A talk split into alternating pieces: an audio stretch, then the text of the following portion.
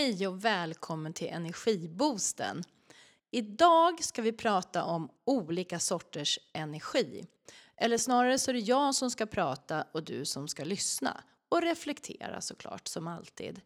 Energiboosten är ju tänkt att du ska få en energiboost när du lyssnar men också att du ska lära dig saker och få ny inspiration, nya insikter, nya tankar. För allt det som du redan vet kan du knyta in det som jag säger i såklart också. Du kanske vet massor av det men kanske något nytt korn kommer.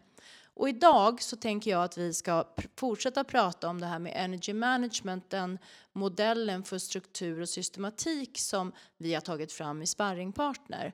Och en sak som är väldigt viktig att titta på där, det handlar ju också om att vi har olika sorters energi. Det är inte bara en sorts energi som vi använder i kroppen utan vi har tre olika sorter har vi definierat det till. Och den första är den fysiska energin, den andra är den mentala energin och den tredje är den känslomässiga energin. Och de här tre olika sorternas energi behöver vi använda och växelverka mellan. De hjälper varandra. Det är väldigt bra ifall vi inte bara överanvänder en sort utan att vi använder alla de här tre. För det är också så, som ett exempel, om jag har suttit och funderat hela dagen, gjort en massa problemlösningar, varit analytisk på jobbet, då kan jag må otroligt bra av att få gå ut och träna eller gå på ett friskispass eller vara ute och gå när jag går från jobbet. För att, för att få igång kroppen igen och liksom släppa de här tankarna. För när det gäller fysisk energi så handlar det ju om att vi rör på oss. Vi, vi kanske har ett fysiskt arbete, vi kanske har hållit på och lyft en massa tegelpannor hela dagen för vi ska lägga på ett nytt tak på huset. Eller vi har varit ute och gått och gått och gått, vandrat i bergen, då har vi gjort av med väldigt mycket fysisk energi och fått använda vår kropp, vilket vi såklart mår bra av. Så fysisk energi, den behöver vi verkligen använda oss av för det mår vi bra av på alla sätt och vis. Den hjälper både den känslomässiga energin och den mentala energin att må bra, om vi säger så. Sen så för att fylla på den, känslom, eller den fysiska energin så gör vi ju det genom att äta, dricka, sova. Och vi kan också ja, helt enkelt använda kroppen till någonting som vi tycker är kul. Alltså olika träningsformer är ju jättebra för att få jobba med den fysiska energin. För de flesta idag i alla fall, åtminstone i storstäderna, jobbar ju väldigt mycket med sina huvuden på dagarna och väldigt lite med sina kroppar. Om vi inte jobbar inom vård och omsorg såklart och, och den typen av, av tjänster som finns även på eh, i storstäderna. Men, men det här skogshuggeriet och den typen av, av jobb är det ju mycket färre av i storstaden trots allt. Och då är det viktigt att vi ser till att få den här fysiska energiutväxlingen på något annat sätt. Så hitta, hitta en riktigt rolig träningsform som du tycker om. Själv tycker jag är jättekul att dansa. Det tycker jag är kul. Och sen går jag också på Friskis för det är också någonting som, som ger mig energi och jag känner att det är nyttigt för min kropp. Du kan ju också till exempel spela golf som jag gör, spela paddel. Ja, det finns massor med roliga saker man kan göra, orientera och ja, det finns en uppsjö av olika träningsformer och har du inte hittat någon som du tycker om så fortsätt leta. Jag tänkte jag skulle berätta om appen den här gången. Jag och mina kollegor har ju nämligen gjort en app som handlar just om att fylla på och förbruka sin energi. Hela Energy Management ligger förpackat där inklusive det här arbetet med energitjuvar och energispridning och lite filmer, det finns hänvisning till vetenskap, det finns en massa övningar och även lite olika poddavsnitt, inte bara från Energiboosten utan från andra också som pratar om saker som är relevanta i, den här, i det här området. Och den appen hittar du på app.energitanken.com. Där kan du köpa den och den är proppfull med olika övningar. Bland annat finns det en övning som handlar om bingo i träningsformer som du ska bocka i så många som du kan och prova. För vem vet, du kanske tycker om någonting som du aldrig har provat någon gång. Man vet inte. Så fysisk energi jätteviktig och det är jätteviktigt att vi fyller på den fysiska energin med mat som är näringsriktig, att vi ser till att få i oss tillräckligt mycket energi i form av kalorier när vi har kanske saker som tar vår fysiska energi eller mentala energi eller känslomässiga energi. Ett exempel på det som kan ta ens fysiska energi är ju också smärta smärta. Och den ska vi inte underskatta för om man har en, en kronisk smärta någonstans eller tillfällig i form av huvudvärk eller ja, vad det nu är för någonting så tar det väldigt mycket energi för oss och då gäller det att fylla på med saker som är roliga och som ger oss energi. Så tänk på att fylla på den fysiska energin och att vila din kropp. Det är A och O när du har använt den väldigt mycket. Då går vi över till den mentala energin. Och den mentala energin, när vi pratar om den, handlar ju om när du använder din hjärna för att lösa problem, för att vara analytisk, för att vara logisk och ja, helt enkelt använder den på ett aktivt sätt. Och hjärnan tar ju väldigt mycket energi. Den behöver mycket energi för att fungera bra. Så här gäller det att fylla på både med fysisk energi och med att se till att man faktiskt också ja, men använder sin hjärna för annars mår den inte bra och då får du inte någon energi heller. Då kan du bli uttråkad istället och tappa energi. Så var inte rädd för att använda din hjärna till det som den är så briljant för, nämligen allt egentligen som vi gör. Bara, bara när vi rör oss måste ju såklart hjärnan vara med och när vi tänker och känner så är hjärnan också där. Men i det här fallet så pratar vi om den mentala energin och då handlar det om problemlösning, logik, ja, när vi använder hjärnan när vi jobbar helt enkelt. För att få vila vår hjärna, vår mentala energi och återhämta oss och fylla på igen så är till exempel mindfulness och yoga två jättebra verktyg. För de gör att vår hjärna får slappna av under en stund och vila sig så att vi inte överanvänder vår fantastiska hjärna utan den får vila och koppla av en stund. Det gör den ju även när vi sover såklart, om vi sover som vi ska. Det är också bra att djupandas.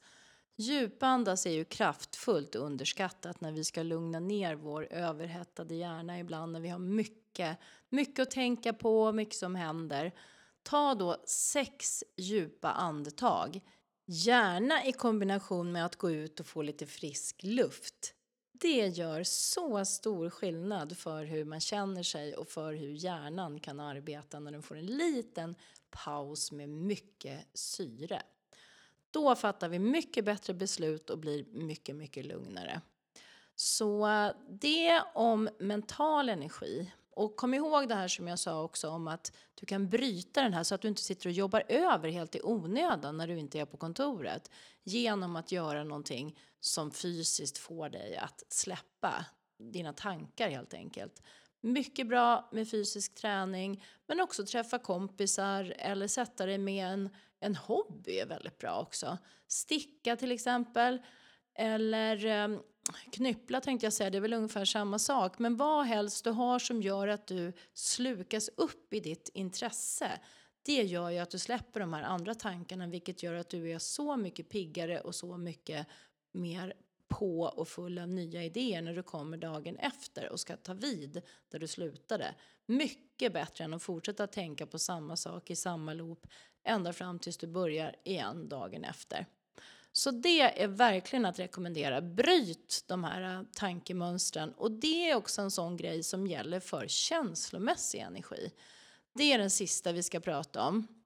Och den känslomässiga energin brukar kunna vara den som faktiskt tar mest utan att vi vill det. För att det är ibland väldigt svårt att styra sina tankar. Och det här handlar ju om tankar och om känslor och vilka bilder vi målar upp för vårt inre.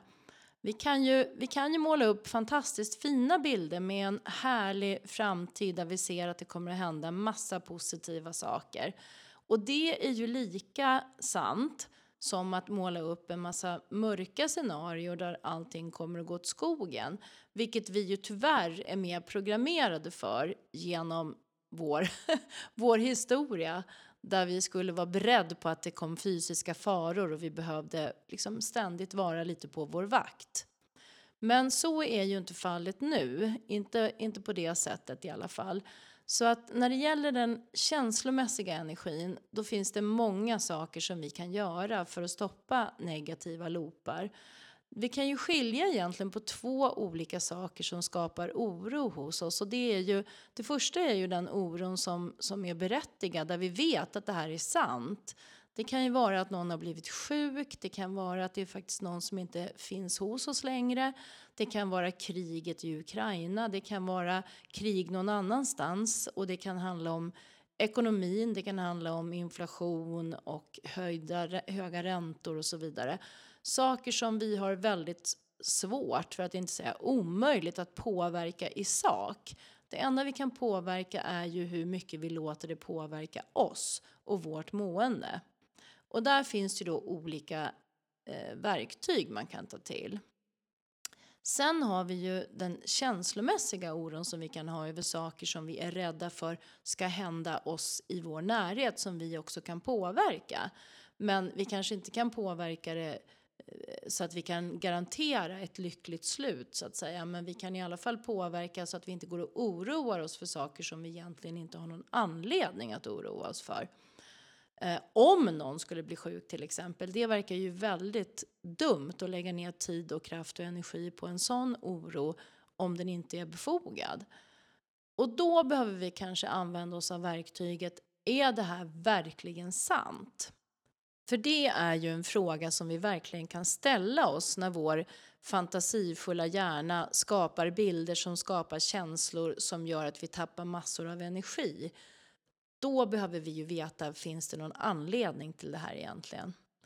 Och antingen då så kan man ju ta reda på om det är sant eller så vet man på en gång att nej men det här är ju inte sant. Livet är fullt av risker men vi kan ju inte ta ut eländet i förskott. Det rekommenderar jag verkligen inte. Så frågan, är det här verkligen sant? Du kan också använda dig av vad är det värsta som kan hända?